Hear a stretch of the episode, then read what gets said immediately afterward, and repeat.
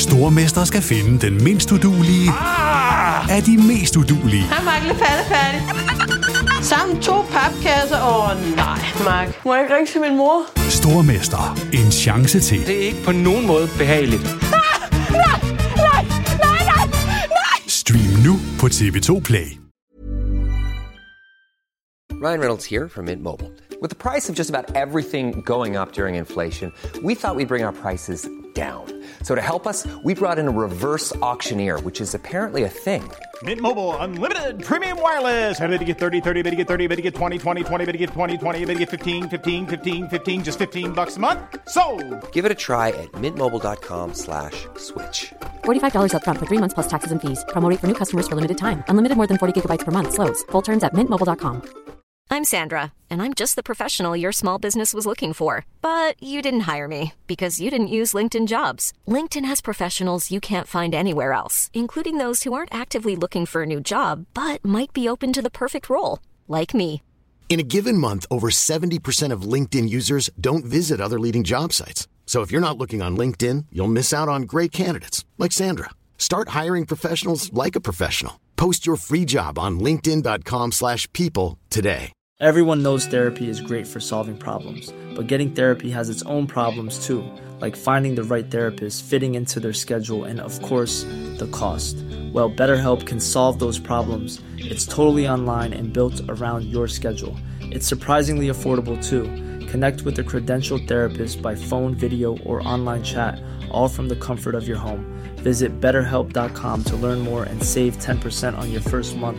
That's BetterHelp, H E L P. Du har fundet vej til NBA-podcasten fra TV2 Sport. God fornøjelse. oh, der er altså Antetokounmpo! Så færdig en aflevering. Oh, flyby! Kan du svare igen? MVP'en tryller. Ja, ja!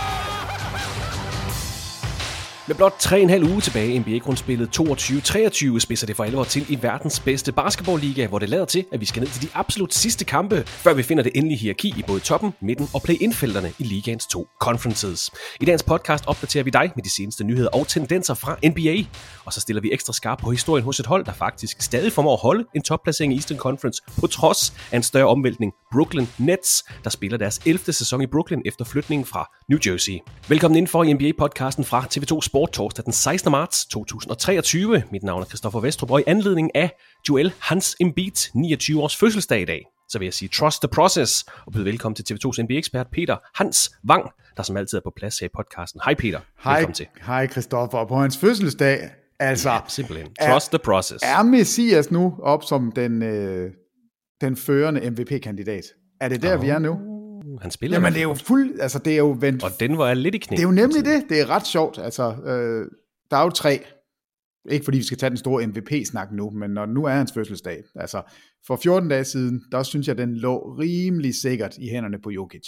Altså der, der var han, holdet var det bedste i NBA, han havde vanvittige statistikker. Nu har de så smidt de her fire kampe i streg, og det ser helt anderledes ud. Det er vildt, hvad så få kampe gør, når holdene er så tæt. Så Antetokounmpo, og Embiid og Jokic, altså jeg ved ikke, hvordan vi skal adskille de tre, øh, men når man har fødselsdag, så vil jeg sige, i dag er det i hvert fald Joel Embiid, der er MVP'en, fordi så, I dag er han the real MVP. ja, så har han, Det øh, den, den får han, om, om ikke andet, så i hvert fald for i dag. Inden vi går videre med øh, dagens program, Peter, så er der måske noget, vi lige er nødt til at sætte på ord på. Fordi der er flere, der har øh, kommenteret, skrevet, udtrykt både øh, forundring, men også ærgelse over, at der er kommet reklamer på vores podcast. Og vi tager ikke afstand fra det, men vi er nødt til at sige, at øh, sådan nogle beslutninger, det foregår på et, øh, et langt højere, bedre måske også niveau, end det som øh, Peter og jeg bevæger os på. Vi håber ikke, at folk falder fra, bare fordi der er kommet reklamer før og efter podcast. Men vi er faktisk også, ja, vi er faktisk nået der til, Peter, hvor, hvor vi faktisk skal lave det, der hedder en, en host read ad. What? Altså, hvor vi skal lave en reklame her i podcasten. Jamen, jeg tænker, skal vi ikke bare få det ud af verden med det samme, så vi kan komme videre til NBA? Det, det er noget, vi, vi, vi skal. Vi er blevet pålagt, og igen, vi tager ikke afstand fra det. Vi er ikke negative over det. Lad os bare lige få det ud af verden, for så kan vi komme videre. Bær over med os. Øh, Vi gør jo bare, som vi Okay, jeg, jeg, jeg, jeg sidder, jeg afventer øh, meget spændt, og håber, det er noget med... Øh, nej, jeg, nej jeg, jeg, jeg vil bare gerne høre dig sige noget. Kom, kom Christoffer. Vi prøver. Prøv. Føler du ikke rigtigt, at du slår til? Føler du dig udenfor, og at andre omkring dig hele tiden gør det bedre? Så prøv Mike Brown Mirakelkuren, der kan løfte dig fra bunden og tilbage på toppen. Find din indre konge med Mike Brown Mirakelkuren. When you're down, try Mike Brown. Så er det ud af verden. Simpelthen reklame for Godt, jamen, Mike tak. Brown. Der. Så er det ud af verden. Vi- springer videre til de seneste nyheder fra NBA. Og vi har fået en øh, opdatering på sidste uges store historie vedrørende Ja Morant, der kom i alvorlig modvind, da han lagde en Instagram-video op, hvor han viftede med en pistol på en natklub. Politiet i Colorado har ikke kunne finde nok beviser mod Grizzlies Garden, så der kommer altså ikke en, øh, en kriminalsag, en politisag ud af den her episode. Ja Morant har efterfølgende meldt sig ind i et såkaldt counseling program i Florida, så vidt jeg har forstået, for at blive øh, hjulpet videre, for at få styr på sin adfærd, forhåbentlig komme lidt mere i balance. Klubben har meldt ud, at han er væk fra holdet på ubestemt tid. Ja Morant har misset de seneste seks kampe for Grizzlies, inklusiv nattens nederlag til Miami Heat. Grizzlies ligger fortsat på en, en del anden plads i Western Conference og gået 3-3 i kampe uden Morant 3-4 med, med nederlaget her nat. Så ingen politisag, Peter. Men i går aftes, onsdag aften, der fik vi nyheden om, at Morant har haft et møde med NBA-kommissær Adam Silver om øh, hele sagen. Ligaen har givet Morant 8 kampes karantæne uden løn, og det er altså inklusiv de her øh, syv kampe, han altså har mistet, så Ja Morant kan i princippet, i princippet spille igen 20. marts og spille med i Grizzlies sidste 12 grundspilskampe. NBA har heller ikke kunne finde øh, beviser eller endelig konkludere, at den her pistol, der blev viftet med, er Morants, at den er blevet båret eller transporteret af Ja Morant. Øh, så de straffer ham, virker det til udelukkende, for at vifte en pistol på sociale medier. Det skal man heller ikke gøre. Men det er vel der, sagen er lige nu. Jamen det er det. Altså, det, det springende punkt er netop, at man ikke kan se øh, eller bevise, at pistolen har været i forbindelse med NBA-relaterede øh, steder. Altså i flyet, i omklædningsrummet, i, på banen, i tasken.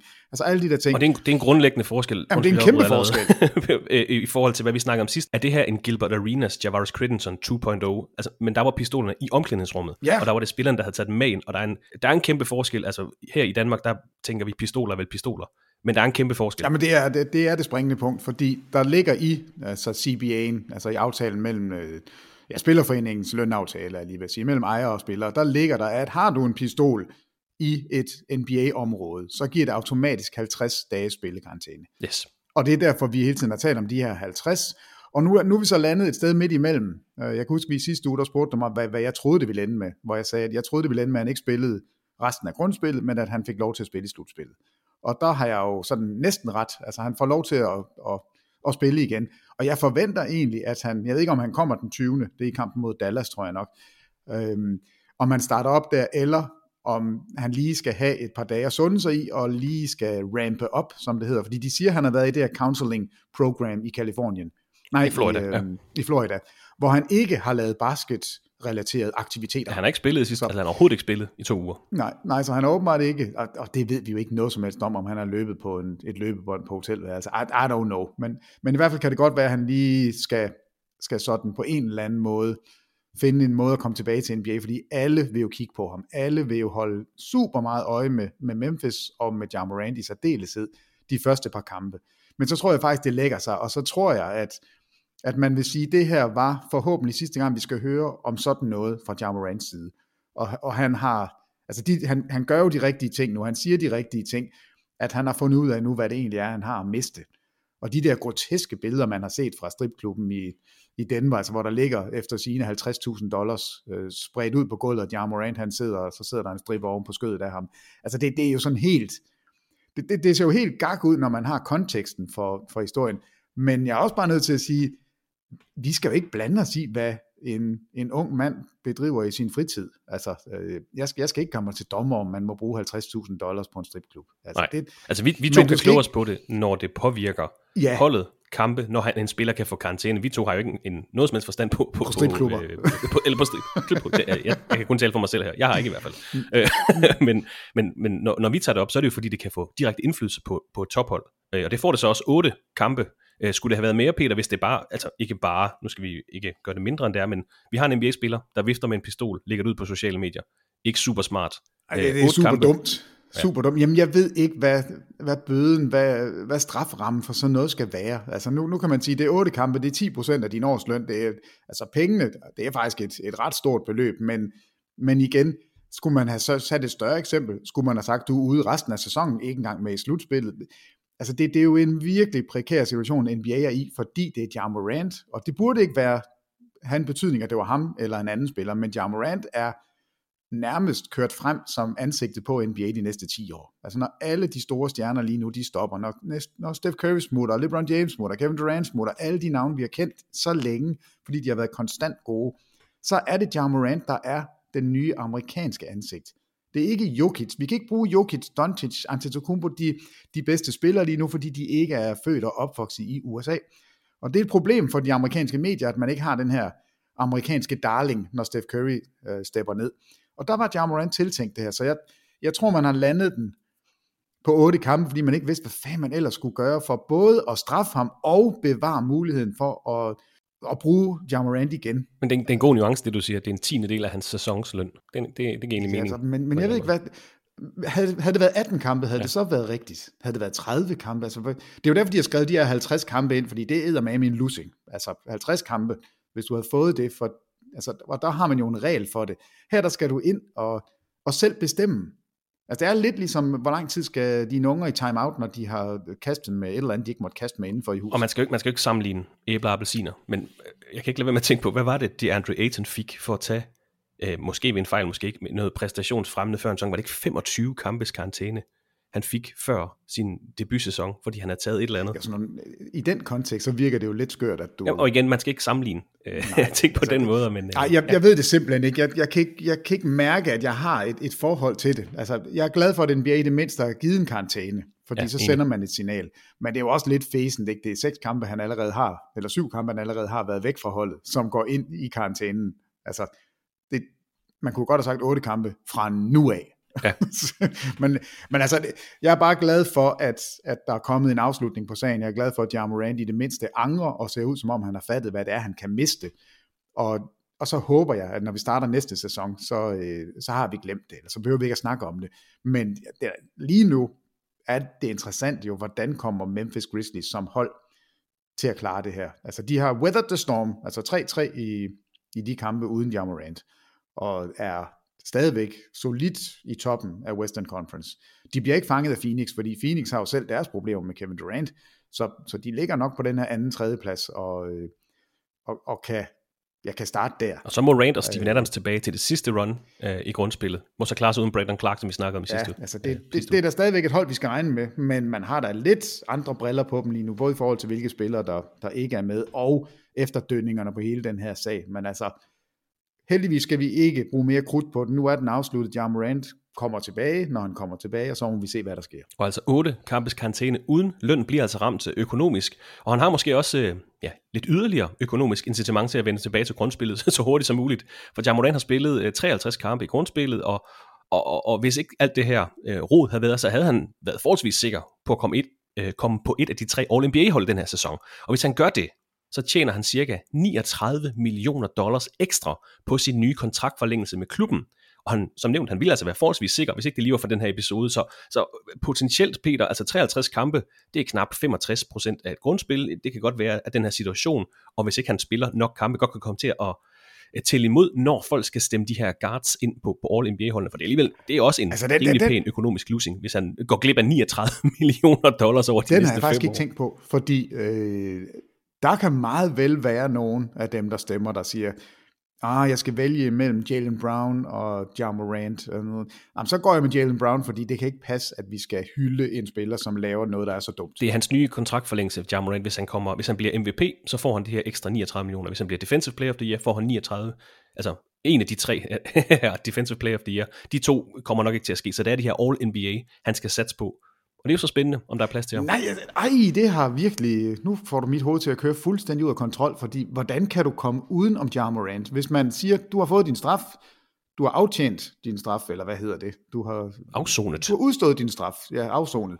Øh, kan man så straffe ham yderligere ved at sige, og så må du ikke komme på et All-NBA-hold, fordi han er jo i min bog, tror jeg rimelig sikker på at være blandt de seks guards, altså på første, anden eller tredje. Og han kan komme op og spille over 60 kampe, hvis han kommer tilbage i det her uh, slutrun. For Nej, for okay, det, nu, nu får den faktisk en ny dimension. Det er meget sjovt, den glæder jeg mig til. Og igen, jeg er lykkelig for, jeg er hverken er general manager, eller en, der kan stemme på det her, når det har betydning for folks økonomi. Altså, hvis det var ligegyldigt, og det var sådan noget, man bare havde en mening om, så, jeg, så vil jeg gerne stemme. Så vil jeg med glæde modtage sådan en stemme selv. Men når det har betydning for folks levestandard og hvad de har af økonomiske midler, så er jeg med glad for, at jeg ikke skal sige noget. Øh, men Morant som spiller, ren spiller, der er han jo en All-NBA-spiller i den her sæson. Så det bør han også være, hvis man er enig om, at han har fået en straf, han har, Han har, han har gjort det, han skulle, og han har siddet ude i otte kampe.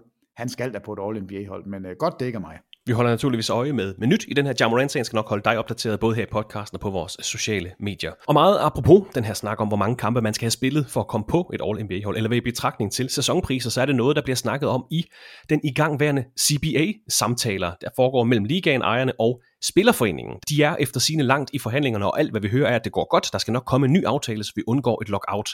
Men vi har også hørt, at noget, som de er enige i, begge parter, det er, at man vil indføre et, et minimum antal kampe, som spillere skal have spillet, for at de kan være kandidater til de store individuelle priser, altså Defensive Player of the Year, Rookie of the Year, Most Valuable Player og sådan noget. Og det er jo noget, som vi, Peter, og mange andre har snakket om i årvis, og nu må vi se først, hvad beslutningen bliver. Men om ikke andet, så får vi i hvert fald noget at gå ud fra, et, et, et, et gulv af kampe, kan man sige, som man skal kigge på. Så kan man altid sige, han spillede kun 49 kampe, ham kan vi ikke have i betragtning. Nu får vi i hvert fald et pejlemærke i de her øh, snakke. Ja, og jeg synes, det er så meget på sin plads. Altså, øh, i det mindste giver os den, så vi ikke skal sidde og bruge krudt på det.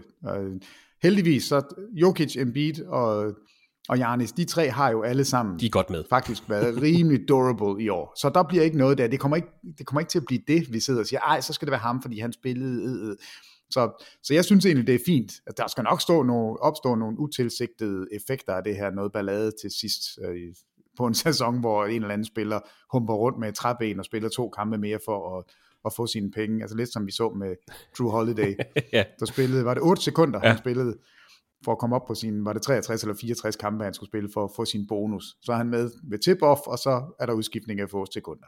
Det er jo også fjollet, men jeg er glad for, at man i det mindste tager stilling til det her. Og jeg synes jo, vi to har lavet en, altså de behøver jo ikke at kigge ret langt. Altså det er jo bare 75% af en sæson. Slut, ikke mere ballade. Det er 61 kampe spillet. Ja, og det synes jeg er, det vil være et fint sted, og jeg ved ikke, om jeg synes, det er helt højt nok, når jeg ser tallet 61 ud af 82. Altså, vi kan sige, 75% af kampene er 61. 80% yeah. af kampene er 65 kampe. 85% er 69 kampe spillet. Jeg tror ikke, vi skal helt derop. 70 eller 75, tror jeg bliver jeg pejler 70? 70%, 57 kampe. I for, nej, nej, når du tænker antallet af kampe. Hvis man siger, det er 70 ud af 82. Så er det, det 86 procent af grundspillet. Det er godt nok... Øh, altså, i gamle dage, der var det jo det, man spillede. Ja. Og gamle dage, der, der skal vi jo kun tilbage til 90'erne og 0'erne. Altså, der, der, der spillede man jo ofte 82 kampe. Men ifølge altså, NBA's hjemmeside, hvis en spiller skal kvalificere sig for at være øh, de statistiske, hvis du skal være topscorer i grundspillet, hvis du skal være rebound leader, så skal du have spillet i minimum 58 kampe i en 82 kamps sæson. Det er over 70 procent. Det er det, som der er lige nu. Det er, det er officielt på NBA's øh, hjemmeside i forhold til de her, hvem der bliver topscorer og sådan noget.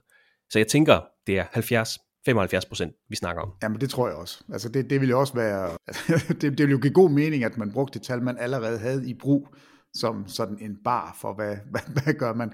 Men altså, fint, at man får det lavet, synes jeg. Jeg, jeg kan ikke se, at det kan være anderledes øh, på den måde, man, man, man gør det nu. Altså det her load management har jo, er jo stukket fuldstændig af, så man er, man er jo nærmest nervøs hver eneste gang, man skal klikke på en kamp og se, hvem spiller egentlig med, og det, det holder jo ikke. Altså, det er jo et dårligt produkt, hvis man sidder med den følelse. Så den skal de væk fra, og det, det er godt, at NBA tager stilling til det. Men spændende at se, hvordan den nye CBA, Collective Bargaining Agreement, som det hedder, kommer til at se ud, og hvor mange kampe det altså bliver. Øh, bestemt skal være minimum, før en spiller kan komme i betragtning til de store individuelle priser, formodentlig også til All-NBA-holdene. Og når grundspillet er over, så skal jeg nok sørge for, at Peter Wang kommer med sine prisvinder og de tre All-NBA-hold for sæsonen.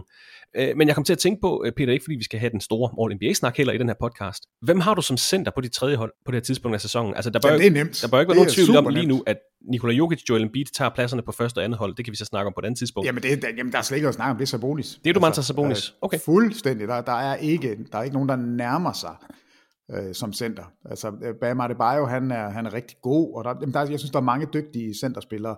Men jeg synes, Sabonis er stukket fuldstændig af, og hans hold ligger nummer to i Western Conference, og altså, der, der er jeg slet ikke i tvivl. Jeg synes, mine tre center, der skal virkelig ske noget helt exceptionelt underligt i de sidste øh, kampe her, okay. hvis ikke det bliver 1-2-3. Okay, så det, det var ikke et stort spørgsmål, men bare, Nej, bare med bare jo er, er ham, der banker på, hvis der er nogen. Ja, det, det tænker jeg, han er den, der er tættest på. Øh, men jeg synes faktisk ikke, han er tæt på, fordi hvis du kigger på det her Miami-mandskab, hvordan de har gjort det i år, og der, der synes jeg, når man kigger på All NBA-kampe, der er man nødt til også at kigge på, på team success, altså lidt ligesom i, i MVP-snakken.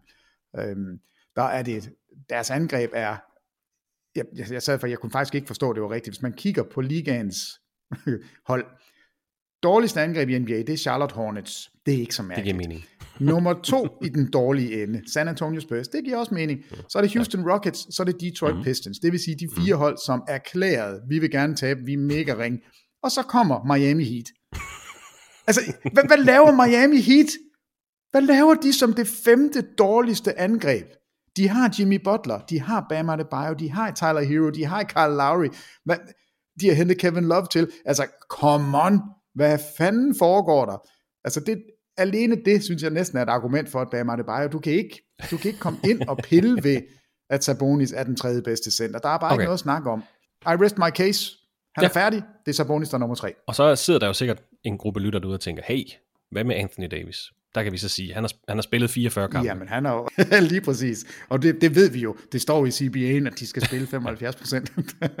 Men ellers vil han være oplagt, hvis han har spillet. Ellers vil han klart være oplagt. Nej, men altså helt sikkert. Man kan også, Brook Lopez har spillet en, en stor, stor sæson. Øh, ja, men, men jeg synes bare, Sabonis er, er klart okay, den, fint, den tredje bedste. Hvis det bliver Domantas Sabonis, så vil det være tredje sæson i træk, og fjerde gang på fem sæsoner, at alle tre All-NBA centerpladser går til internationale spillere, men det skal vi nok snakke meget mere om i en, i en senere podcast. Tilbage til NBA i dag. Der resterer 3,5 uge af grundspillet, eller grundspilsdelen af sæsonen, Ligans 30 hold, har været spillet mellem 68 og 72 af de planlagte 82 kampe i regular season. Der er altså hold, der er nede på blot og mange 10 grundspilskampe i sæsonen. Og en uh, resultatmæssig stor nyhed fra ugen, det har været, at Milwaukee Bucks har som det første og indtil videre eneste hold rundet 50 sejre i grundspillet, og er det første hold, der har booket billet til forårets slutspil.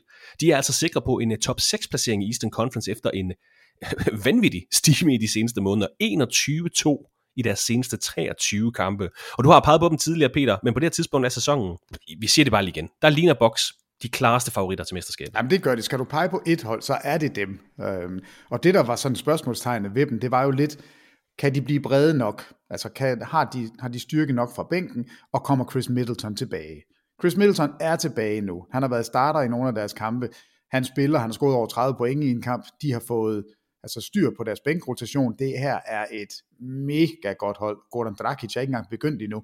Altså det, det er, de har veteraner, de har superstjernen på toppen, de har alle muligheder for at, at vinde et mesterskab igen.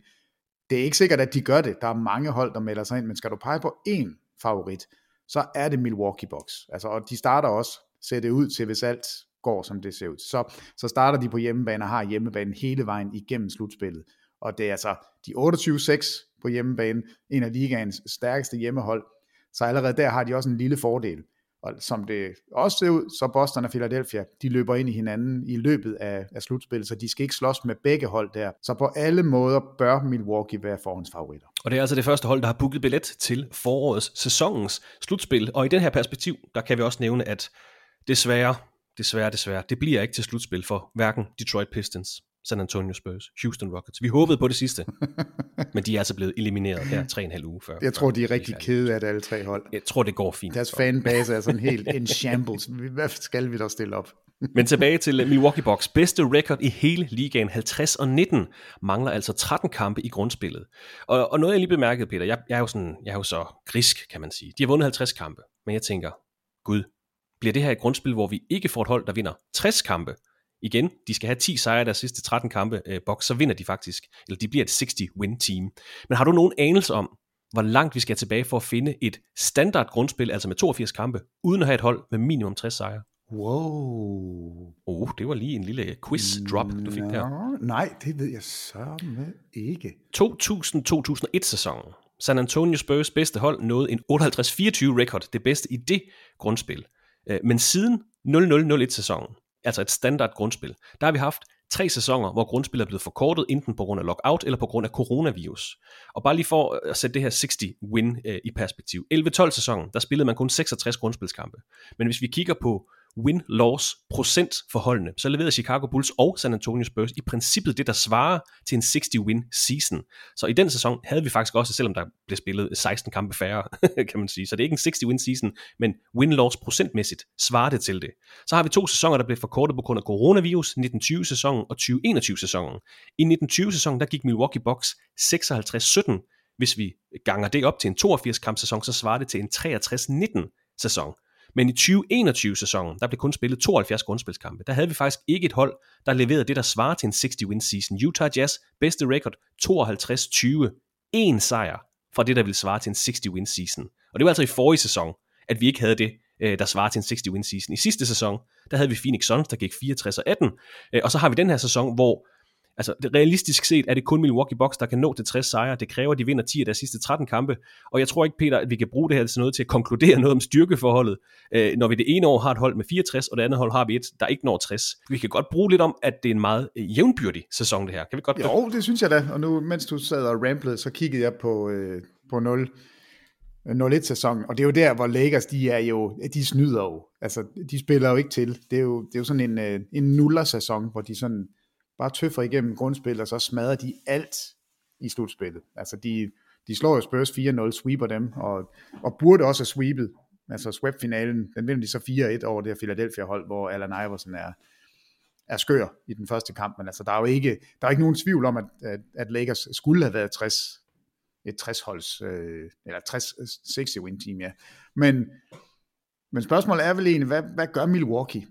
Altså, de sørger jo bare for, at de vil have deres øh, førsteplads, både i øst og i vest, og så kan jeg da godt forestille mig, at, at har de sikret den, når der mangler fire kampe, så kan det da godt være, at de går 1 og 3 i de sidste fire kampe og smider den her 60-win. Men øh, det kommer an på, hvor, hvor presset de bliver i løbet af, ja, af de sidste 13 kampe, for der er ikke nogen tvivl om, at de, lige nu der vader de jo ind i sejre. Altså de, de spiller på et andet niveau end stort set alle hold. Altså de slog Sacramento, og flere har refereret til den kamp ved at sige, at Sacramento spillede mega godt, og alle deres stjerner var gode, og det hele kørte og alligevel vinder Milwaukee ved at spille på, hvad, 85 procent. Øh, så, altså, så gode er de lige nu, men det er da lidt sjovt, at der faktisk ikke har været så mange af de sæsoner, det har jeg egentlig aldrig tænkt på. Øh, måske får vi en igen i år. Ja, 21 ud af de 75 sæsoner, vi har set, har der ikke været et hold med minimum 60 sejre, eller en ja, win-loss procent, der svarer til det. En sæson, hvor et hold vinder 73,2% af kampe i grundspil. Det er det, der svarer til et 60-win season. Altså 21 af 75 har der ikke været et 60-win. Så det er altså sådan en, vi kan også nævne, det er en statistik med mange nuancer. Det var jo først i 67-68 sæsonen, man gik op til 82 kampe i grundspil. Øh, men vi kan i hvert fald sige, at i langt de fleste NBA-sæsoner, der ser vi i hvert fald et mandskab, der vinder 73% af deres kampe, og dermed er et toneangivende hold i grundspil. Men det ser altså ikke ud til, at vi får det i den her sæson. Nu må vi se, hvordan det, det går med Milwaukee Bucks.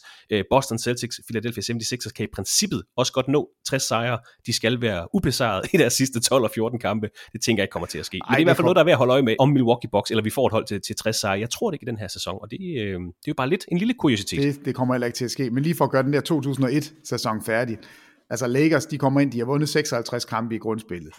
De sweeper i første runde, altså 3-0 over Portland Trailblazers. Så sweeper de Sacramento 4-0, så tager de San Antonio 4-0, og så går de altså finalen og smider den der ene kamp. Altså det havde jo været en gylden sæson, hvor du går 16-0 i slutspillet. Øh, og det, det lykkes ikke. Nej, det så har været 15-0, øh, undskyld. Øh, det er jo fuldstændig vanvittigt, det her Lakers hold. Altså det er selvfølgelig Kobe og Shaq, vi, vi kigger på.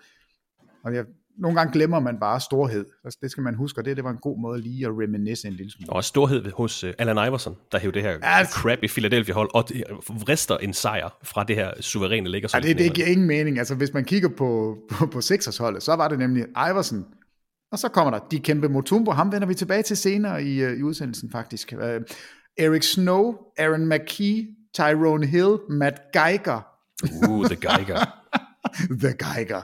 Altså, det var ikke noget godt hold. Det var Iverson og, og så forsvar. Altså, de købte køb fuldstændig ind på Atlanta-modellen. En spiller, der kan score point, og så henter vi alt, hvad vi kan. Alle de spillere, som tør dække op og ikke er bange for at slå sig, så prøver vi at lave et hold omkring.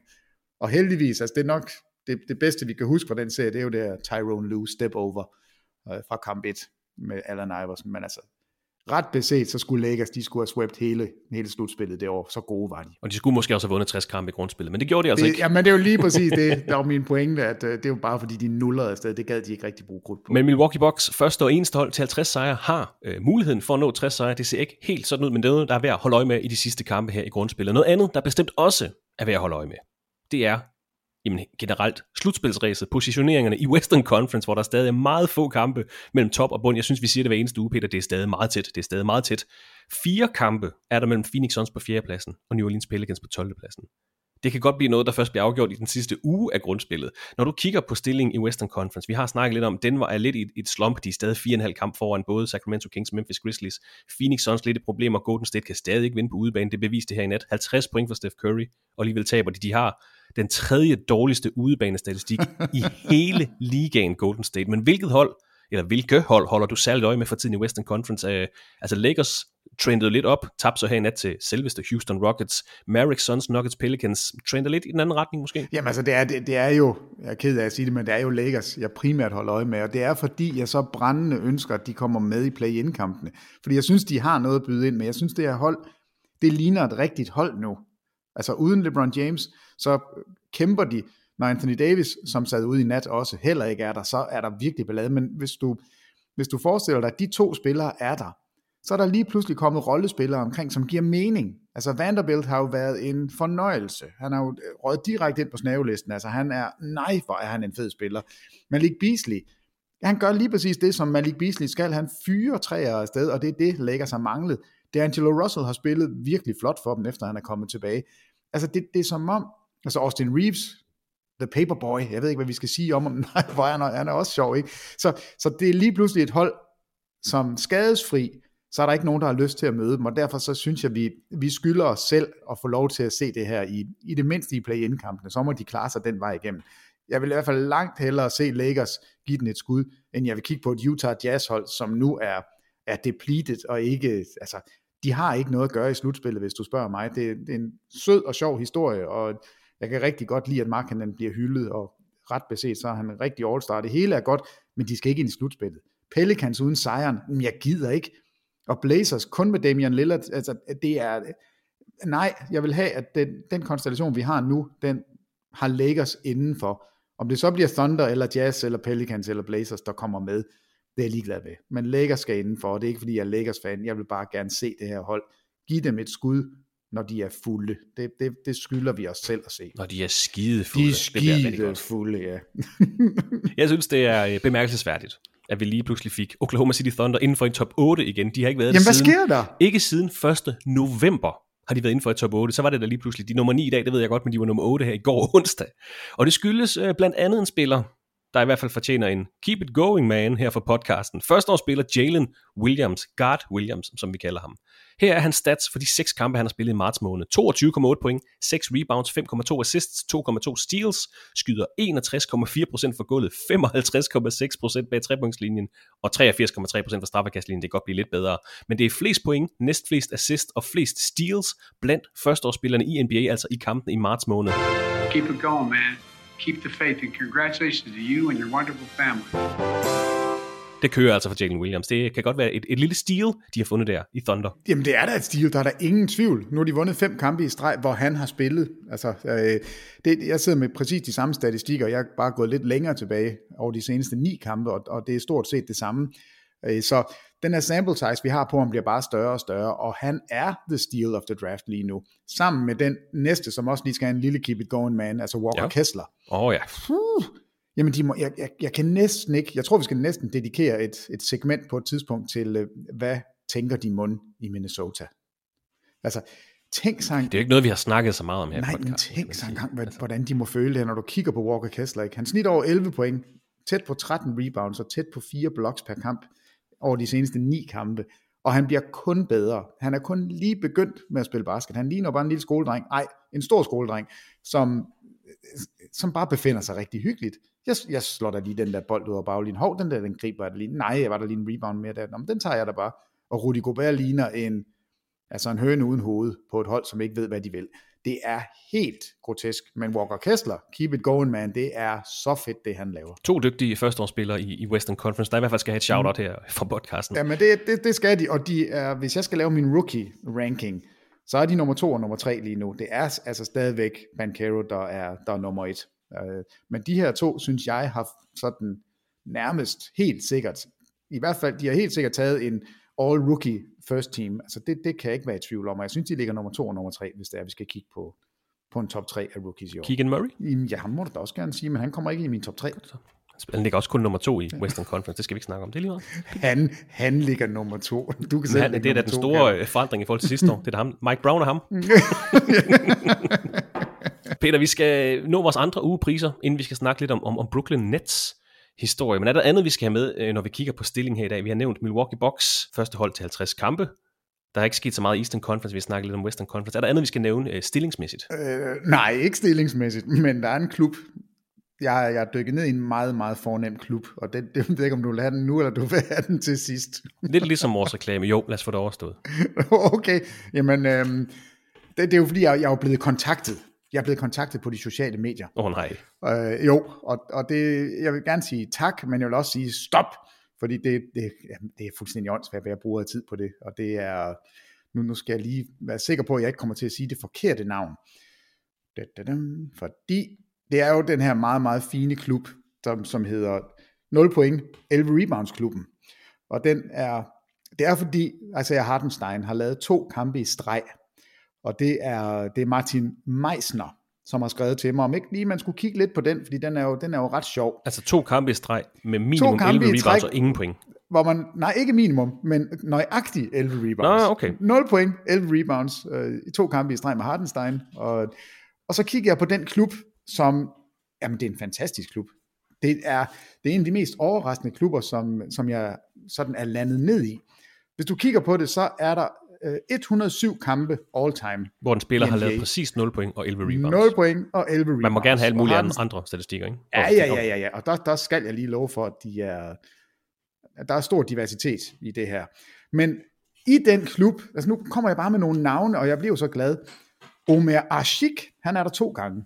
Sean Bradley, ligaens højeste spiller nogensinde er på. Kwame Brown, Elton Brand, Marcus Camby har lavet tre af dem. Chris Dudley har lavet tre af dem. Men der er en, der skiller sig ud. Der er en kæmpe præsident, den store chef for 011-klubben. Dun, dun, dun. Tidligere Defensive Player of the Year, undrafted, ben en af de bedste undrafted spillere Wallace. nogensinde. Ja, Big Ben Wallace er der fem gange. Øh, så, så han skal jo så have et kæmpe shout-out. Men så stopper det jo ikke der. Fordi så kiggede jeg på, jamen, hvem har så egentlig prøvet at at skyde flest gange, og hvordan er det ser ud, og hvem har spillet flest minutter. Og det er jo så Norman Nier, der har spillet, Van Leer, der har spillet flest minutter, 41 minutter. Han havde så 13 assist i den kamp, og det synes jeg jo kæmpe shout-out for dem. Den, der har skudt flest gange, det er Anthony Davis. Anthony Davis skyder 11 gange i en kamp og scorer 0 point og tager 11 rebounds. Det er så, hvad det er. Og så tænker jeg, okay, det var Anthony Davis fra Toronto, og så tjekker jeg resultatet, hvor det rigtig nok er Toronto og Chicago, der spiller mod hinanden, men Anthony Davis spiller for Chicago på det tidspunkt. Så de har sådan rykket lige lidt rundt. Er det, er det Anthony eller Antonio Davis, du snakker om? Antonio Davis. Antonio, Hvad sagde ja. jeg? Anthony. Anthony, ja. nej, Antonio Davis. Nej, nej, Okay. Antonio Davis. Fint, fint. Og så kigger jeg på resultatet. Fy for satan en stinker. 75-73 i en stor Chicago-sejr tilbage i 2004. Det var vel ved halvleg, ikke?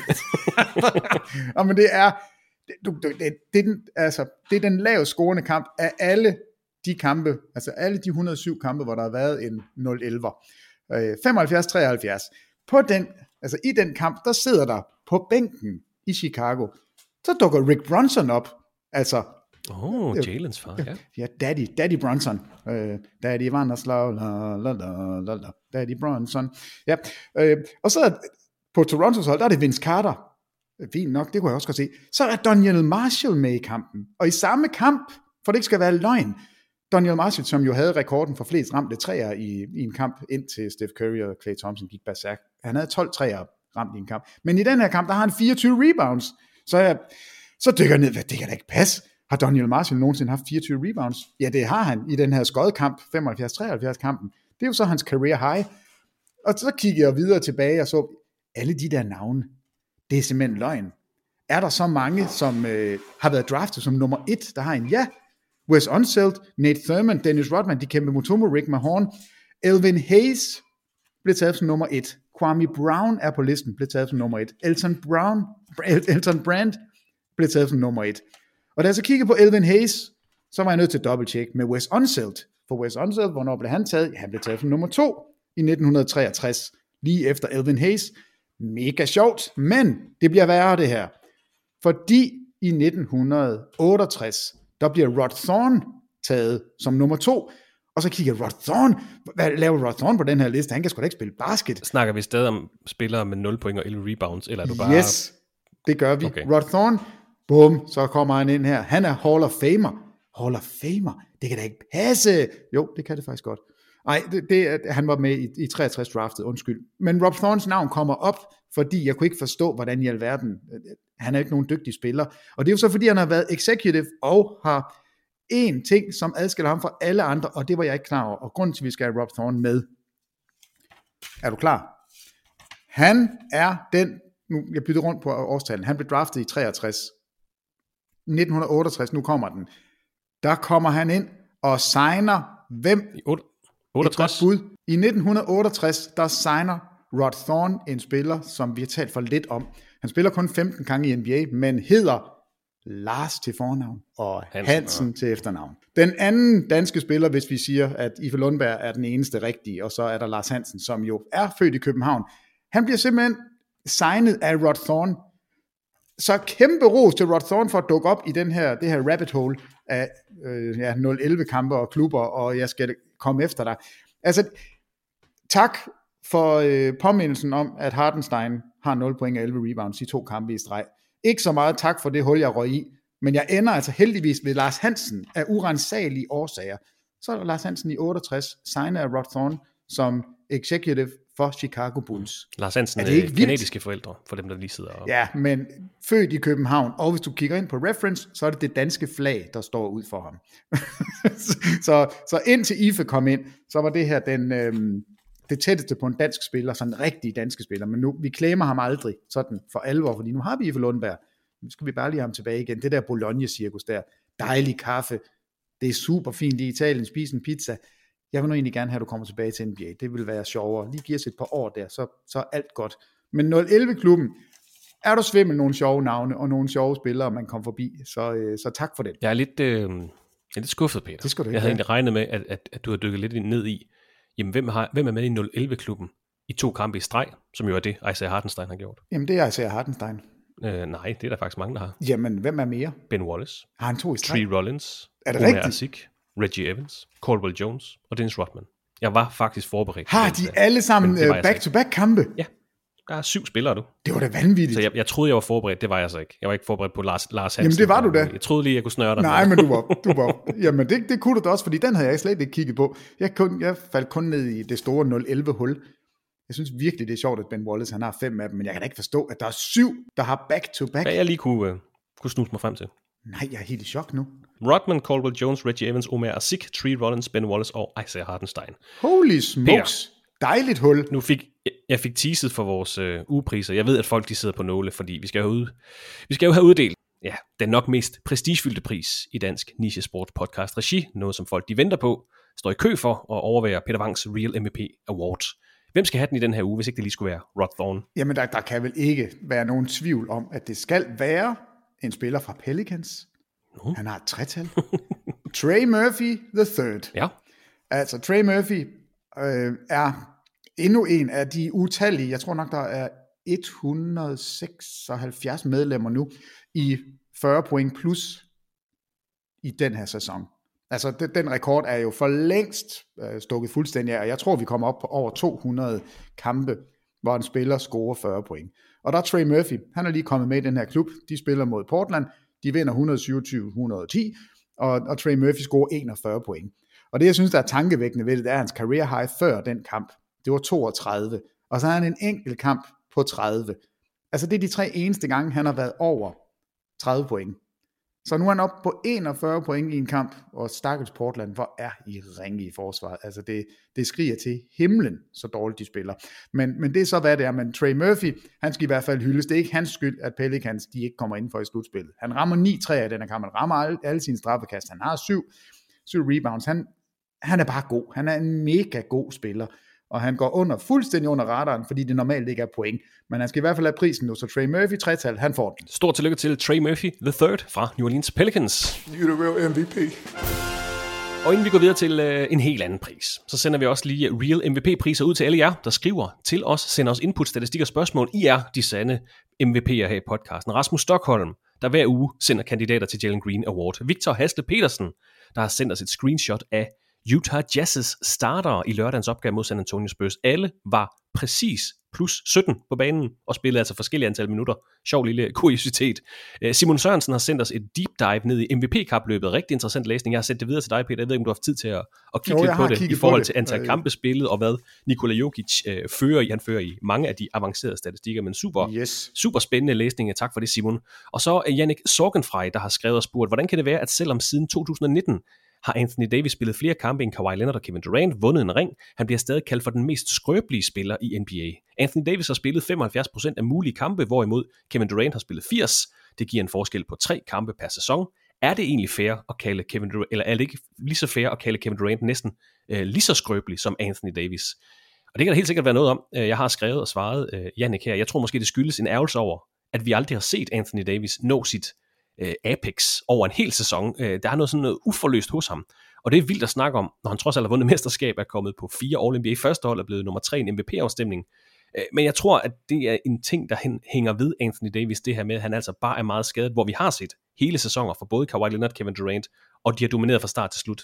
Giver det mening, Peter? Ja, det gør det, fordi det, det er jo den der nervøsitet, man har hver eneste gang, man ser Anthony Davis spille. Man, man sidder jo faktisk sådan lidt fremme på stolen og bare sådan, aha, bare han ikke falder, bare han ikke slår sig, bare...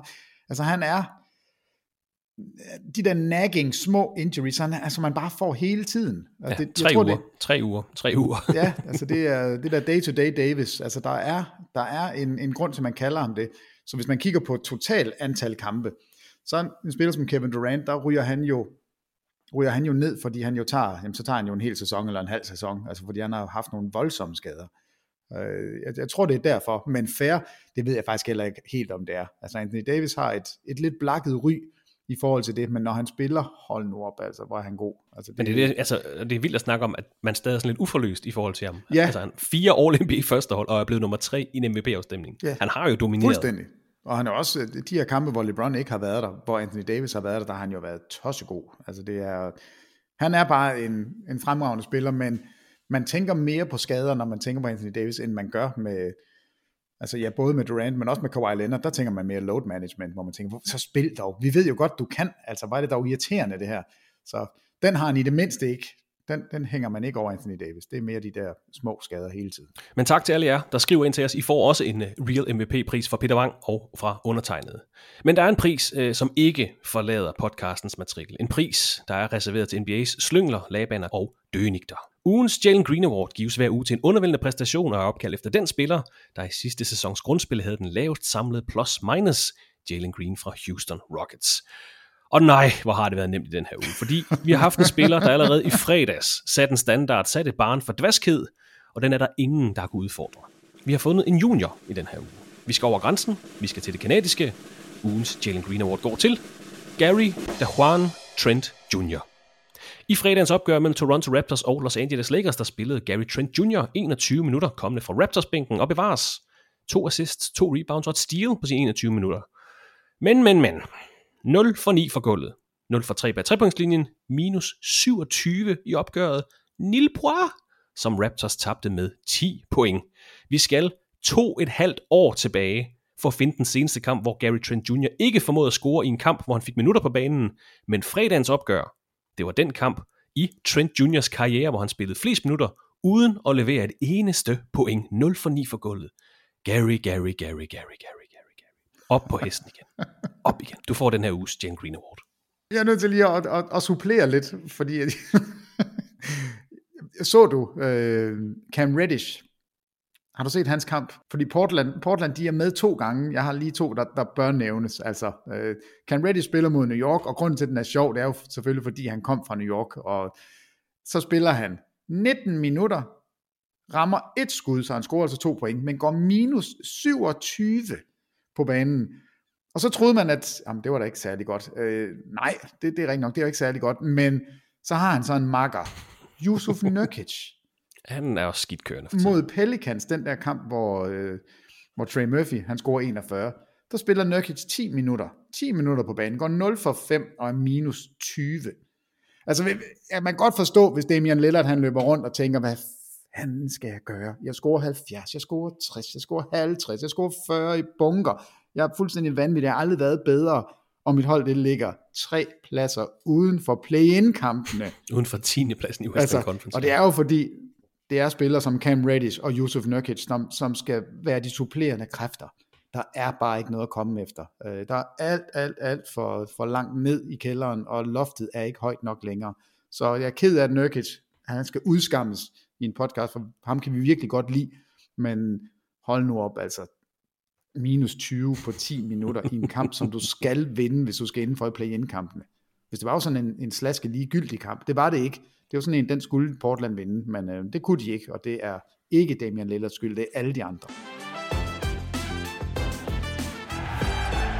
Det sidste officielle punkt i dagens podcast, det er et lille fokus på Brooklyn Nets. Nets franchise har rødder tilbage til slut 60'erne, hvor man i holdets første ni sæsoner spillede i ABA-ligaen faktisk vandt to mesterskaber.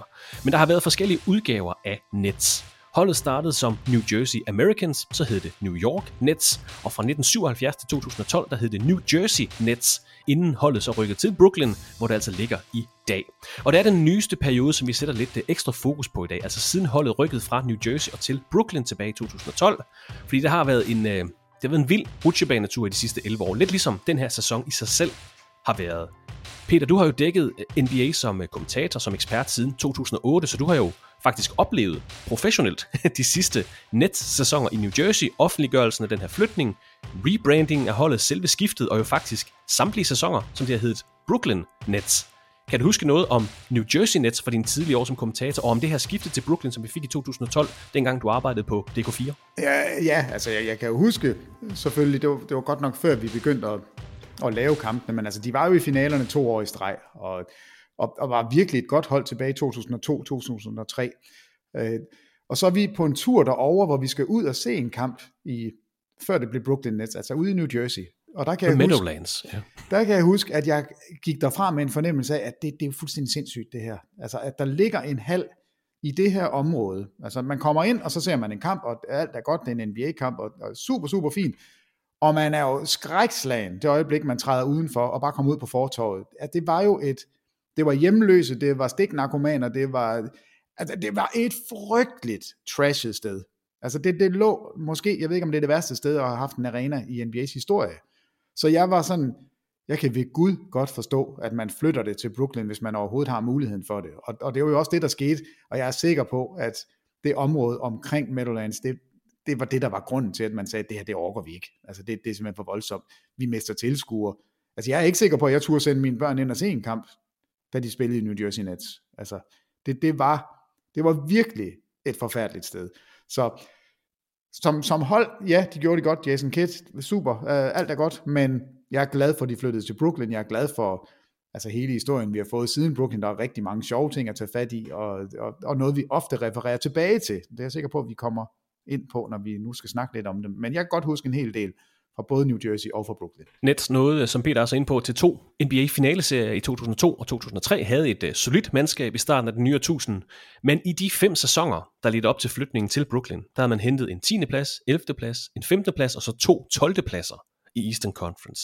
Så i de første fem år, som øh, Peter Wang kommenterede NBA, der var Nets uh, en non-factor i NBA, kan vi godt uh, kalde dem. Jeg har noteret en masse what-ifs i Brooklyn Nets historie, dem kan vi måske remse op lidt senere, men, men grunden til, at vi har fokus på Nets her i podcasten, Øh, se det som et symbol på, hvordan sæsonen har været for dem i år. Vi har snakket om dem som mulige mesterskabskandidater, som et potentielt implosionshold, sæsonens store variabel, og vi har set både ja, Dr. Jekyll og Mr. Hyde i den her sæson, og siden holdet flyttede til Brooklyn, det har heller ikke kun været en dans på rose. Det har været meget godt, men det har også været øh, lidt noget råd. Men tilbage i 2012, der hørte man Darren Williams sige, Hello Brooklyn. Nets var tilbage i New York, klar til den første sæson under navnet Brooklyn Nets. Og det var jo også, øh, det blev jo sådan en slags udfordring til New York Knicks. Altså Nets kom tilbage til New York, ville være et alternativ til de mange New Yorkere, en, en svær udfordring med Knicks lange historie i, i The Big Apple. I de 10 færdigspillede sæsoner, hvor Nets har hørt til i Brooklyn, der er de kommet i slutspillet syv gange. Fem gange er de røde i første runde, to gange er de nået til anden runde. Øh, var jo ude i syv kampe mod Milwaukee Bucks i forrige sæson, det kan vi snakke mere om øh, lidt senere. Men i samme periode, der er New York Knicks nået til slutspillet to gange en første runde og en anden runde serie. Så på den måde, Peter, overordnet set, øh, uden så mange detaljer, der kan vi jo sige, at missionen er lykkedes. Øh, Nets har været relevante. Man har samlet to hold, der hvis alting flaskede sig, så kunne de spille med mesterskabet, og vi skal nok gennemgå de forskellige udgaver af Brooklyn Nets her lige om lidt, men overordnet set, siden skiftet, så har rebrandingen af det her hold har jo været en succes. Jamen det har det. Altså det har været et bedre hold end Knicks. Det, det er der ingen tvivl om, hvis man måler øh, sejre og nederlag op mod hinanden og team success. Men man må så også bare sige, de har altid været lillebroren, og de er stadigvæk lillebroren. Og det er fuldstændig ligegyldigt, hvor mange kampe de vinder. Jeg ved ikke engang, om hvis de vandt et mesterskab, om man så stadigvæk ville se, at, at Brooklyn var et, et større eller mindre hold end New York. Altså, jeg, jeg tror ikke, man kan overleve den skygge, som New York Knicks øh, mm. har. Lidt ligesom Clippers og, og Lakers og, i Los Angeles. Ja. Fuldstændig ligesom Clippers og Lakers, og jeg er meget, meget spændt på, når Clippers de flytter, om de så, øh, om det kommer til at ændre noget. Det tror jeg faktisk ikke. Jeg tror, det kommer til at ændre noget for selvforståelsen. Øh, men det er jo ikke det, der er tilfældet her med Brooklyn Nets, fordi de spillede jo ikke i den samme hal som New York Knicks. Så, så de vil for evigt være lillebroren i New York. Øh, men det er et bedre hold, og det skal de jo bare holde fast i. Altså, de har haft mere succes end, end New York Knicks, og det er jo fordi, de, de har jo gjort rigtig mange gode ting, og de har så desværre også snublet nogle gange i, i nogle beslutninger. Men jeg synes, det er et sjovt hold at tale om, og det er vildt, så mange forskellige øh, versioner, vi har haft af et hold over 10 år. Altså det, det er virkelig utroligt, fordi det er, altså det startede ud med Darren Williams, der var på det tidspunkt den bedste guard i NBA sammen med Chris Paul. Altså de to sloges om, og hvem er nummer et? Og det var, altså, jeg, var, jeg tror jeg egentlig, jeg lå over i Darren Williams lejren øh, på et tidspunkt det tog så hurtigt af. ja, det gik hurtigt ned ad bakke, og Chris Paul blev, ja, det er helt nærmest vildt, bedre, altså. kan man sige. ja, men altså i den første sæson, der er det ham, Brook Lopez og Joe Johnson, det er de tre markante spillere. Yes. Øh, og vi skal snakke om Brook Lopez på et tidspunkt. Altså, han er den største omvæltningsspiller, eller den spiller, der har ændret sit spil allermest af alle nogensinde i NBA's historie. Men det, det, det, det er ikke nu. Ja. Men altså, de taber i første runde, men det er syv kampe til Chicago Bulls, så de kommer jo egentlig rimelig godt fra land i deres første sæson. Det er det, jeg kalder, øh, altså de mange versioner af Brooklyn Nets, vi har set. Det her, det kalder jeg debutholdet. Peter har nævnt dem. 12-13 sæson. Darren Williams, Brook Lopez, Joe Johnson, som man trader for, koster fem spillere og draft pick. Gerald Wallace, Reggie Evans, Andre Blatch, bare lige for at nævne Andre Blatch. Ham nævner ikke for sjældent. øh, bliver, får en fjerdeplads i Eastern Conference, som nævnt ryger ud i første runde til Chicago Bulls.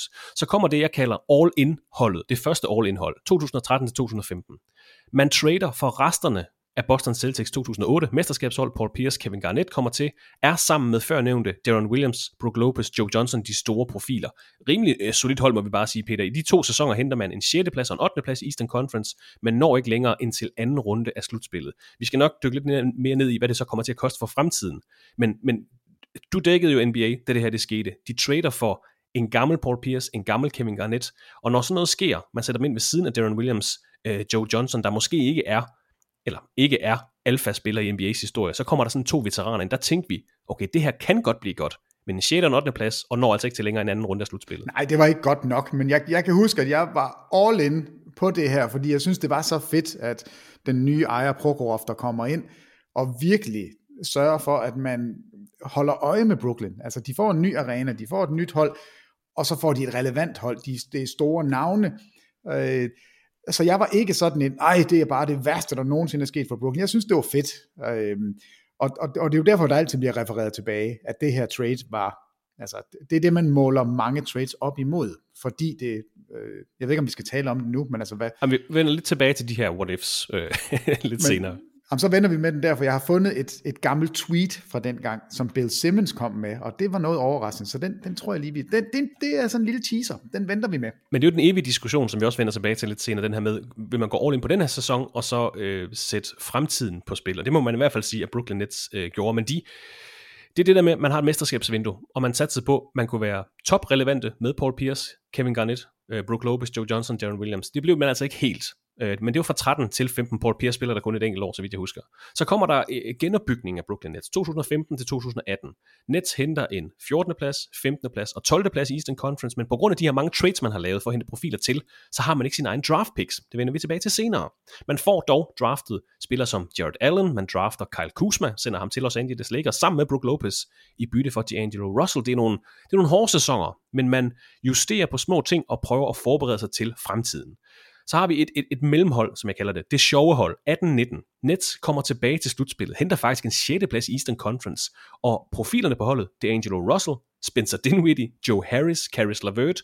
Øh, et sjovt hold, Peter, et frisk pust i Eastern Conference. De kunne ikke vinde mesterskabet, men i det mindste var Nets tilbage i det sjove selskab, og det kommer altså lige før det her, jeg kalder den nye mesterskabskandidat, tilbage i 18-19 sæsonen. Jo, men det, det er jo det hold, som vi øh, kom til at holde sådan af med Kenny Atkinson som head coach. Ja. Øh, fordi de bare blev bedre og bedre og bedre, og det kulminerer med, at de kommer ind i slutspillet. Jared Allen begynder lige pludselig at røre på sig som deres centerspiller. Altså, der var så mange gode ting her. Altså, det var, det var sådan et smukt lille hold, en, en sød historie, som lige pludselig blev relevante.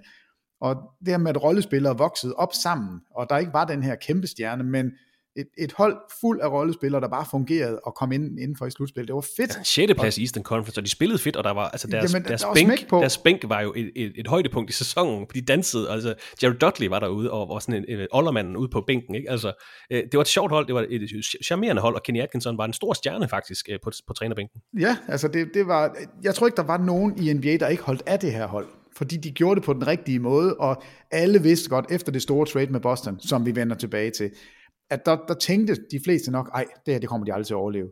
Brooklyn, de får aldrig et hold igen. Øh, hvordan skal de dog komme videre? Og lige så stod de der, homegrown spillere og gode beslutninger.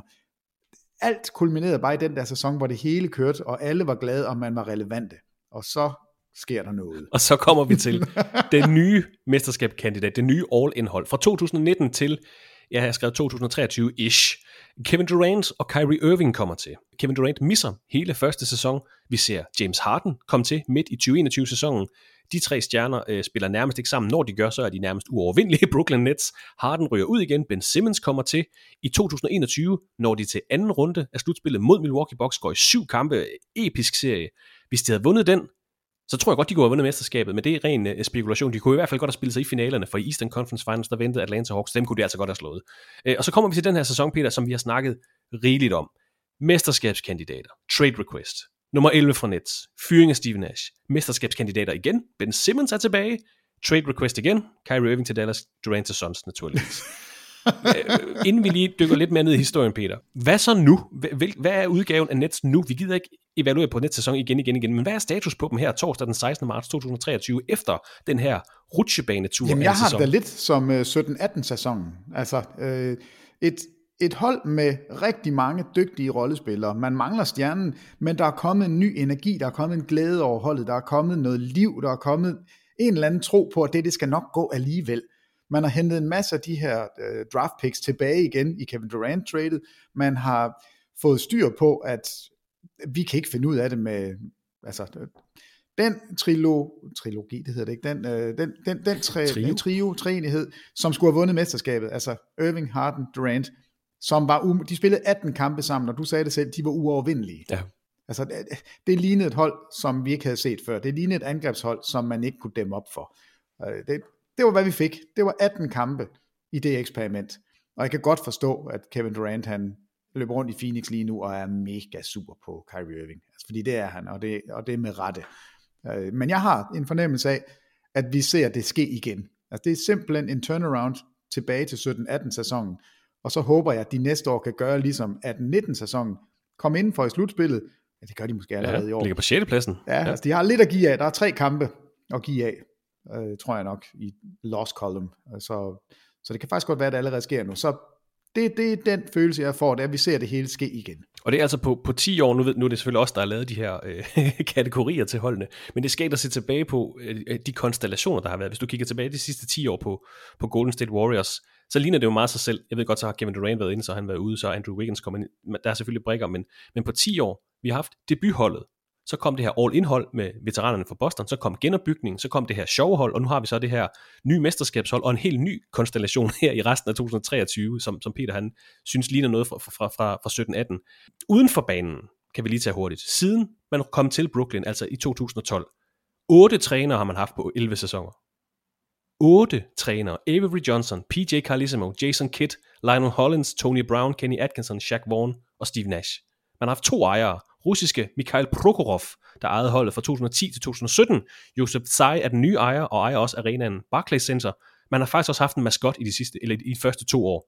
The Brooklyn Knight, en, øh, en sådan superhelt med kappe og skjold. Han holdt i to sæsoner, så droppede man ham.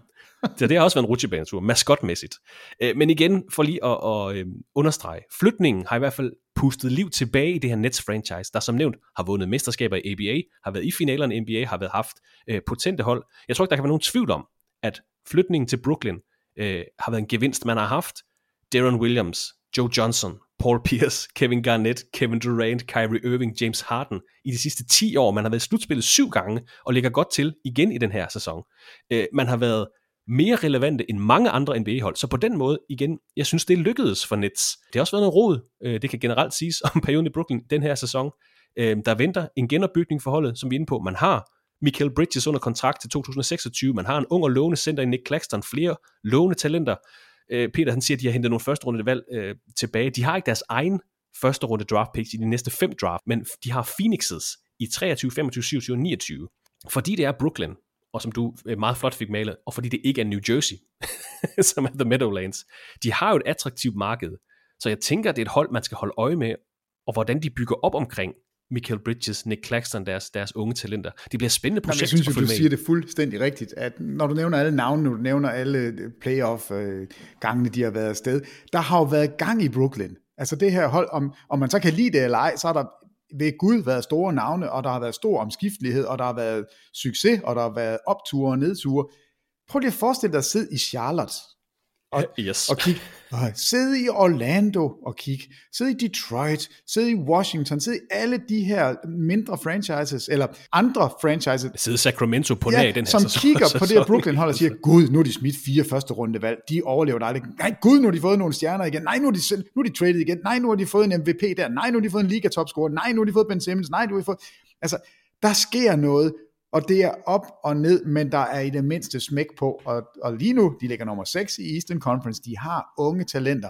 Det her hold er one superstar away from being relevant. Altså det, det er der, vi er. Det er der rigtig mange hold, som vil give deres højre ben, tog, arm, et eller andet, måske bare en bil. Det vil de, give, det, de vil godt give noget Der, for. deres højre bil. Ja, deres ja. højre bil. Den der over til højre i garagen, den får I. Så, så har vi de sidste 10 år, som I har haft. Altså, jeg, jeg, jeg synes, det er... Altså, jeg elskede det, da Prokhorov, han flyttede. Jeg elskede, at han kom ind som oligark. Ikke, at jeg kan lide oligarker, men der var tydeligt, øh, han har de, de store spenderbukser på. Jeg er ligeglad, hvad tingene koster. Hvis ikke vi vinder mesterskabet inden fem år, det var det, han proklamerede dengang. Hvis ikke vi vinder mesterskabet inden fem år, så gifter jeg mig. Og da han så ikke blev gift, så sagde han, at det var fordi Adam Silver han blev gift, så, så jeg, Adam Silver har taget den for mig, så det er så fint. Tak, tak til Adam Silver. en gigantisk rose. Jeg mener, han var 6 fod 7, eller han er ja, 6 ja, fod 7. ja, og han havde alle, jamen, han, han var så fed, fordi det har han bare ligeglad. Traded for Timothy Moskov også. Jamen selvfølgelig. Det skal vi også huske. Ja. og vi har faktisk ikke engang nemt, at Kielenko er også på det her hold. Nej, Kielenko, ja, det er ja, rigtigt. Uh, det var dejligt. Altså, han, han forsvandt jo, og alle ved jo godt, at han blev lovet x antal millioner i Rusland, altså, eller en eller anden lille stake i noget nikkelhalløj, eller, altså, der var, der, der var en masse ballade der også. Altså, Prokhorov kom ind with a bang, og det var, det var så fedt. Og når vi siger, at, at Nets er lykkedes, så er der måske nogen, der sidder og siger, jamen, hvad har de vundet? De har ikke engang været conference finals. Sådan kan man selvfølgelig også godt se på det. Men igen, det er lykkedes for dem. De har hentet store, prominente navne til. De har gjort Nets til et attraktivt sted at spille. Måske kommer det automatisk, fordi man ligger i New York. Så vi tillader os at konkludere, at Nets er lykkedes. Måske ikke 100%, men måske 80%. Men på trods af 80% succesrate, så kan vi ikke lade være med at tænke, hvad nu hvis? Altså, Nets kunne reelt have stået i NBA-finalerne i 2021, hvis de havde formået at vippe boks af pinden i anden runde af slutspillet. Altså, og så havde snakken været en helt anden, hvis de var nået til NBA-finalerne. Jo, og, og det er jo den serie, hvor Kyrie Irving ikke er med, ja. og hvor James Harden løber rundt på et ben. Ja, og Kevin Durant lige har en lidt for stor tog, ikke altså? Er, er en stor tog fra at, at vinde kamp 7. Altså det, det er jo... Fordi de, de slår Atlanta Hawks i conference ja, finals, og så står de over for Phoenix Suns, og så må vi se, hvordan den serie bliver, men de var, altså, de var ikke de var, underdogs nej, i finalen. på ingen måde, altså, og det er, det er jo et vanvittigt what if. Altså det ene skud, det er jo ikke noget, vi taler om, hvis ikke han var blevet skadet, eller hvis ikke det var sket. Det er et skud, hvor han træder på trepointslinjen, og de spiller så OT og taber. Altså i en kamp 7. Det kan jo ikke være, det, du kan ikke lave noget, der er tættere på end det. Altså, det er jo sådan en, en Hollywood-story, hvis du lige flytter hans fod en centimeter baglæns. Altså det, det er jo helt vildt. Og to år så, efter, så er både Kyrie Irving, Kevin Durant og James Harden ude af Nets. Ikke altså? Ja, og det, det fatter man jo heller ikke. Altså, at man ikke har kunne holde sammen på det. Altså, det er jo ligesom, men igen, en fælles nævner, det er Kyrie Irving, eller nummer 11 fra Nets, nummer 2 fra, fra Mavs. Øh, Han ville væk fra LeBron. Ej, det vil jeg ikke, det her. Hvorfor bliver du ikke sammen? Du har lige vundet et mesterskab. Ej, men jeg vil ikke spille i Boston alligevel, fordi det er ikke, som jeg troede, det var.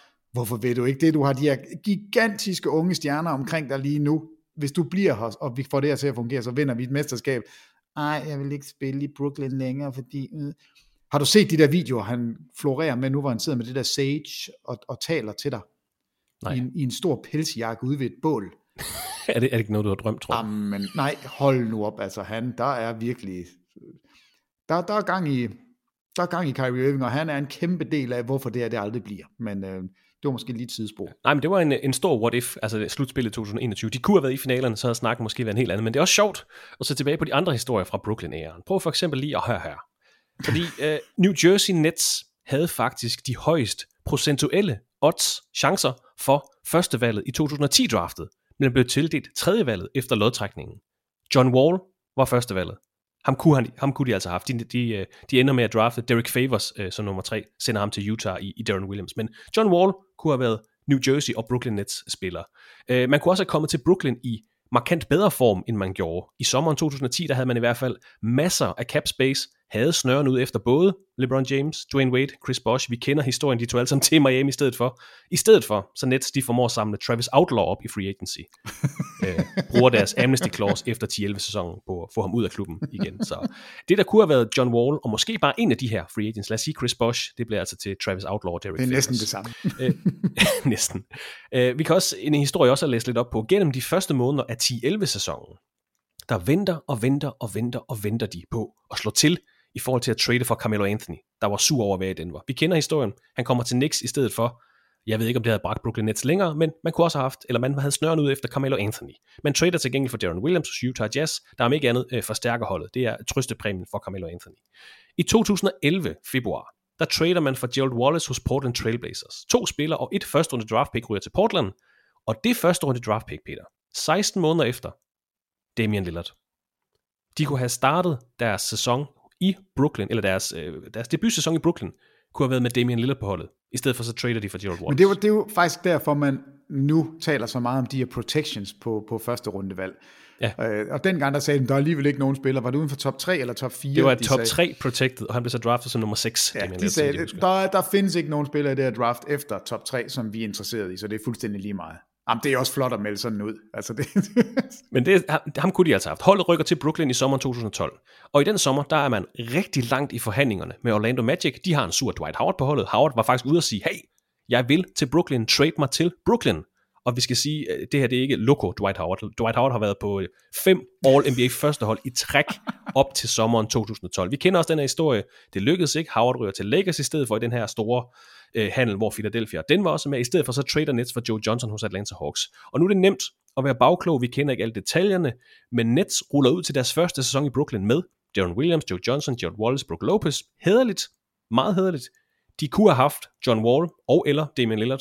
Måske gået all in på Dwight Howard, før han blev tosset. Det havde ikke været, det havde ikke været dårligere. det vil jeg i hellere have. Det ikke været det dårligere. vil jeg hellere have. Og som nævnt, Peter, nu kommer vi til det. I sommeren 2013, der går man all in på at være relevante. Man henter Kevin Garnett, Paul Pierce hos Boston Celtics i bytte for fem spillere, for tre første runde draft picks og et pick swap. Det er et win-now move. Man er ligeglad med fremtiden, og det er ikke fordi, der er noget galt med det, vi siger det bare. I momentet, der giver det måske mening. To af de her første runde draft, pick, draft picks bliver til Jason Tatum og Jalen Brown, altså de to bedste spillere på sidste sæsons finalister for Boston Celtics. Og et, og et af de andre draft picks bliver faktisk til Colin Sexton i 2018-draftet. Og lad os så sige, at man havde hentet øh, Tatum og Brown, og måske ikke lige havde fået det her 8. valg, der blev til Colin Sexton. Men så kunne du have draftet Michael Bridges, Shea Gilgis Alexander, Michael Porter Jr. Igen, jeg forstår godt, jeg støtter 100% op omkring at udnytte et mesterskabsvindue, øh, hvis man tror, man har det. Det er ikke for at være hundelig, men det er ikke, det er ikke 100% urealistisk at sige, at Nets kunne have haft Damian Lillard og Jason Tatum på holdet i dag. Nej. Det er Jamen, vildt. Det er Jamen, altså det er vildt. helt vildt. Og, og, og det er jo derfor, at det her trade bliver brugt som en bar for, hvad er det mest forfærdelige, der kan ske. Altså det, Ja, pas på fremtiden. Jamen, det er du må det. gerne satse på noget, men pas lidt på Det fremtiden. er det, og det er også derfor, man har jo lavet regler, som, øh, hvor man kigger på det her nu. At det, du må ikke trade dit eget første rundevalg i to på hinanden følgende sæsoner. Altså det er jo derfor, det hedder 14, 16, 18, 20 og, og så videre, når de gør det. Men man har også lavet regler for de her pick swaps, altså fordi det er jo det, de gjorde de traded deres øh, 2014 og 16 og 18 første rundevalg, og så lavede de det der pick swap i 17, som blev til Jason Tatum. Øhm, og det kigger man jo på nu, om man må det, fordi så er det jo flere første rundevalg i træk. Og, øh, men man må også bare sige, at på det tidspunkt, og det er der det her, øh, altså kigger vi tilbage, ja, Jalen Brown, Jason Tatum, og faktisk også det der 18 first round pick, det blev brugt til Kyrie Irving, det tror jeg så gerne, de ville gøre om igen, hvis det var, de kunne. Men, ja. men de er de ja. der to unge spillere, som lige nu driver Boston, og som er der i hvert fald 5, 6, 7, 8 år endnu, og stadigvæk er relevant. Og været i Altså, sammen har de været i tre Eastern Conference Finals og en finaleserie. Ja, men de, de... Jason Tatum har vist været i fire Conference Finals. Men jeg kan da godt forstå, at Kyrie Irving han var sur og ikke ville spille sammen med dem. Altså, hvad, hvad har han brændt efter sig af gode spillere og gode situationer, han selv har været i? LeBron? Ej, han er ikke god nok.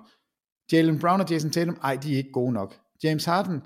Kevin Durant? Nej, I er ikke gode nok og nu er han i Dallas, spiller ikke. Og det, han, han forlader også Dallas til Jamen sommer. det gør han. 100, 100, jeg, jeg er oppe på 100 procent nu. Er du oppe på 100? På yes, han spiller ikke i Dallas til næste sæson. Nej, det vil det kan godt være.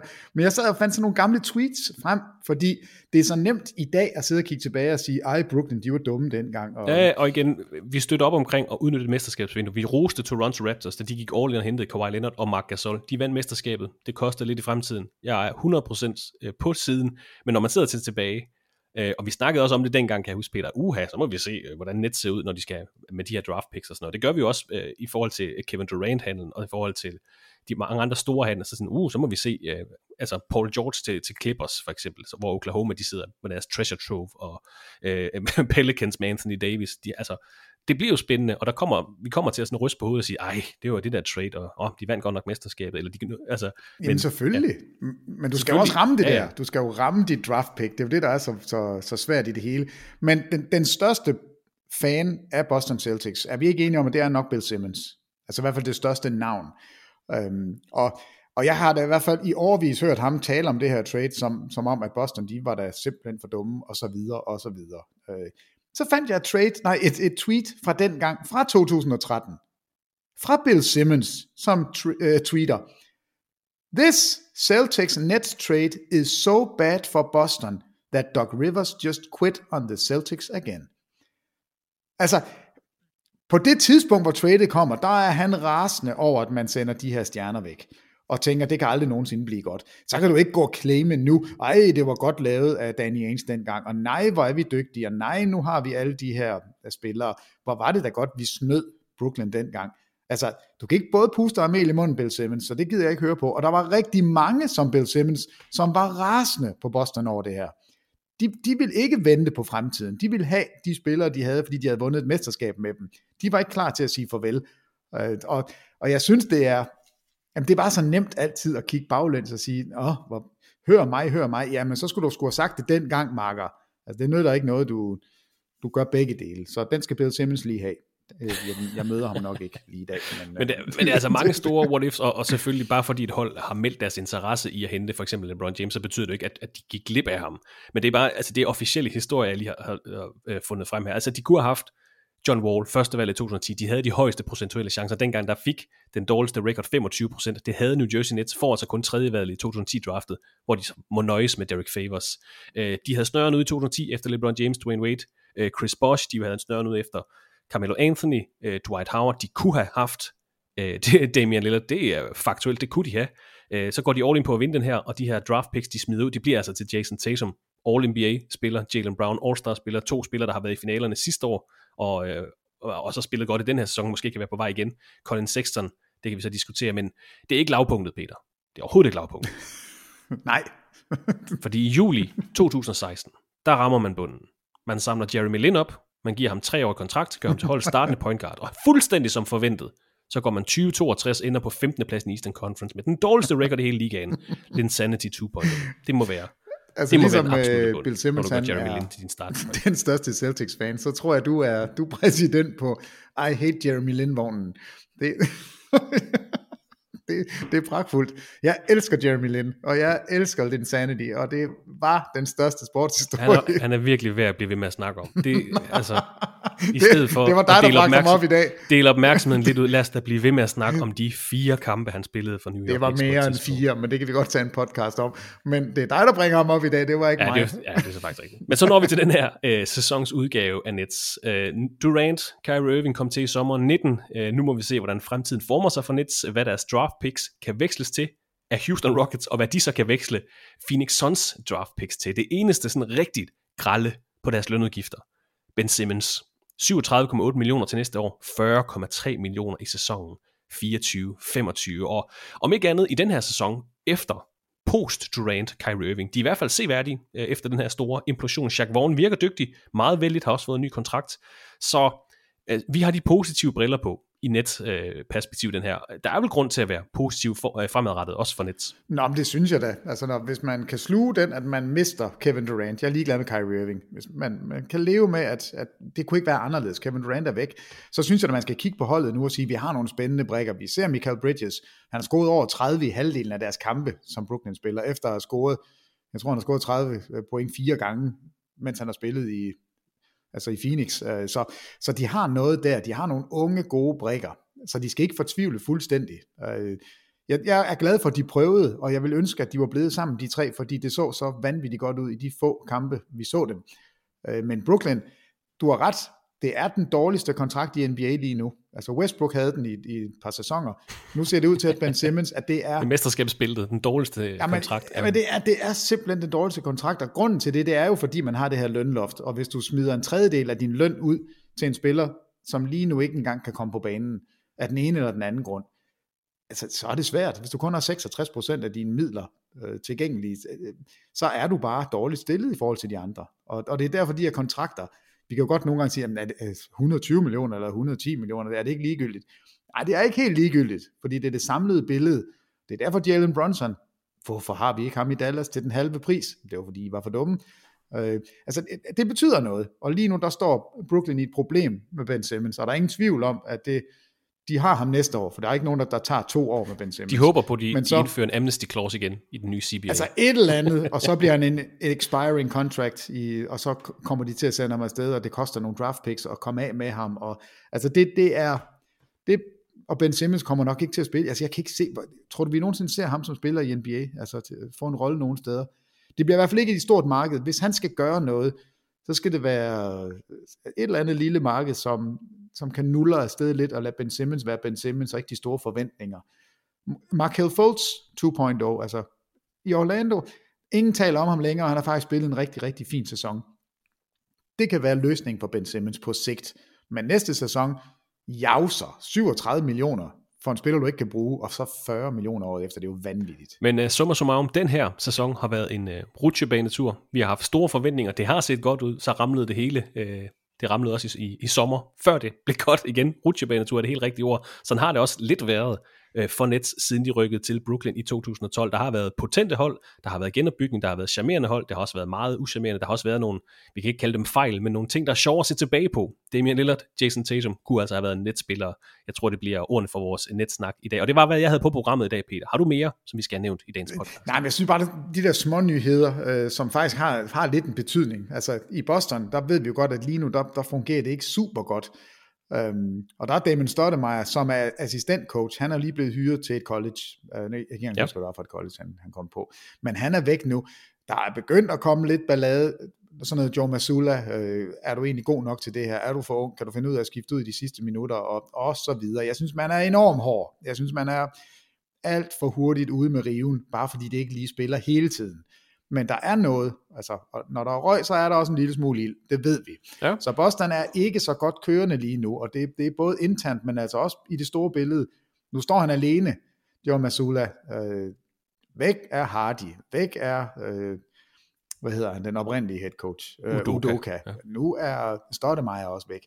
Altså, ah, jeg tror og, det, ikke, det... og det lignede det bedste hold de første tre måneder af sæsonen. Ja, det gjorde altså, det. suverænt bedste hold. De, de lå suverænt nummer et, og det, det, ja, det kan gå hurtigt. Ja, men, men der er også noget at sige om, at der er aldrig et hold, som fra start til slut ikke tager et par dyk. Altså det, det sker. Vi ser Denver gøre det nu, og Denver Altså, jeg, jeg tror, det kommer til at, det kan meget vel koste Jokic MVP'en. Øh, men jeg tror ikke, at Denver er, altså, er i krise. De har rigelige kampe at give af, hvis de bare kigger på Western Conference. Jeg synes måske, de chancerne en lille smule, og skulle tænke lidt mere på Eastern Conference også, altså sørge for at få så god en record i ligaen som muligt. Men når det så er sagt, hvis du skal tabe fire kampe i streg, så er det det rigtige tidspunkt at gøre det på, i forhold til, at du har nogen at give af. Øhm, Boston er i ja, en lille smule i problemer lige nu. Nu kommer de tilbage og vandt i nat, men øh, det sker altså for alle hold. Philadelphia gjorde det i starten. Vi var jo meget nede på Philadelphia i starten. De er jo bullerede afsted og ligger nummer to sammen med Boston nu i Eastern Conference. Um, Warriors, hvad skal vi sige om dem? Jo, altså, Tredje dårligste udvalg. Jamen det er helt vildt, ikke? Og nu Iguodala er kommet tilbage og spiller faktisk mange minutter, og så øh, ødelægger han sit håndled skal opereres. Og, og spørgsmålet er... Jeg tror ikke, vi ser ham mere i Nej, og det, det er jo også... Altså, de er ikke så brede, som de var sidste år, så, så den er Iguodala, det kan godt være, at han ikke er den mest markante spiller, men han har en betydning for et hold, der har brug for lidt bænkproduktion. Og, og der var Iguodala tiltænkt en rolle. Så nu har de ham, de har uh, Gary Payton, og de har, altså flere spillere, som man havde forventet, og så kommer den her Wiggins-ting, som ingen kan finde ud af, hvad bunder i. Men de seneste nyheder er jo, at man forventer faktisk ikke, at Andrew Wiggins kommer tilbage i denne sæson. Hvad gør det ved Warriors? Det gør de forsvarende. Ja, ja, de forsvarende mestre. Hvis du mangler Wiggins, som var altså lige ved at snuppe Finals MVP, så god var han. Jeg skulle til at sige, at han var den, han var den næstbedste spiller for Warriors klart, i finalerne i sommer. Klart næstbedste spiller. Altså ikke engang tæt på. Hvis han ikke er der, hvis Iguodala ikke er der, hvis Gary Payton ikke er der, det her hold, Ja, altså man, jeg tror, man, man frygtede dem for 14 dage siden. Lige nu, der tror jeg ikke, der er så mange, der frygter dem mere. Du, kan selv, du sagde det selv i starten. Steph Curry scorer 50 point, og alligevel taber de. Fordi de er på udebane. Altså, hvad, ja, ja, ja, hvad kan han gøre mere? Og de kommer ikke til at starte på hjemmebane i nogen af de her serier. Altså det, det bliver måske play-in-kampene, de skal igennem. Så jeg synes, det er, det er værd at holde øje med i hvert fald. Den her Andrew Wiggins ting, den er gået fuldstændig under radaren. Øh, og det er, jo, det, er jo, det er jo familiære problemer. Det er jo det eneste, jeg har hørt. Og det virker så, jeg så nogen, der, der talte om, at Warriors plejer at være det franchise, hvor du får mest at vide, og hvor alle er, altså alle fortæller alt, fordi de kan ikke finde ud af at holde deres mund. Den her situation har de fuldstændig lagt låg på. Der er ingen, der kan finde ud af noget som helst. Der er ingen, der ved, hvorfor han ikke er der. Der er ingen, der ved, hvornår han kommer tilbage, hvis han kommer tilbage. Men det nyeste er altså, at man regner faktisk ikke med, at han kommer til at spille i sæsonen. Og det havde jeg slet ikke forventet, og det er da virkelig, virkelig ærgerligt, og jeg synes, det er, det er super synd for Warriors. Masser af løg med i de sidste tre en halv uge af grundspillet. Vi skal nok holde dig opdateret her i podcasten på vores sociale medier, og selvfølgelig også i vores transmissioner, hvor Thomas Bilde og Peter Wang jo altid sidder klar i weekenden. Peter Wang, tak for din tid i dag. Ha' en god weekend, og så snakkes vi ved i næste uge. Lige over, lige over, stopper vi snakkes ved. Og tak til dig, der lyttede med i dagens lange NBA-snak. Vi håber, det var værd at lytte til, og du finder os igen i næste uge.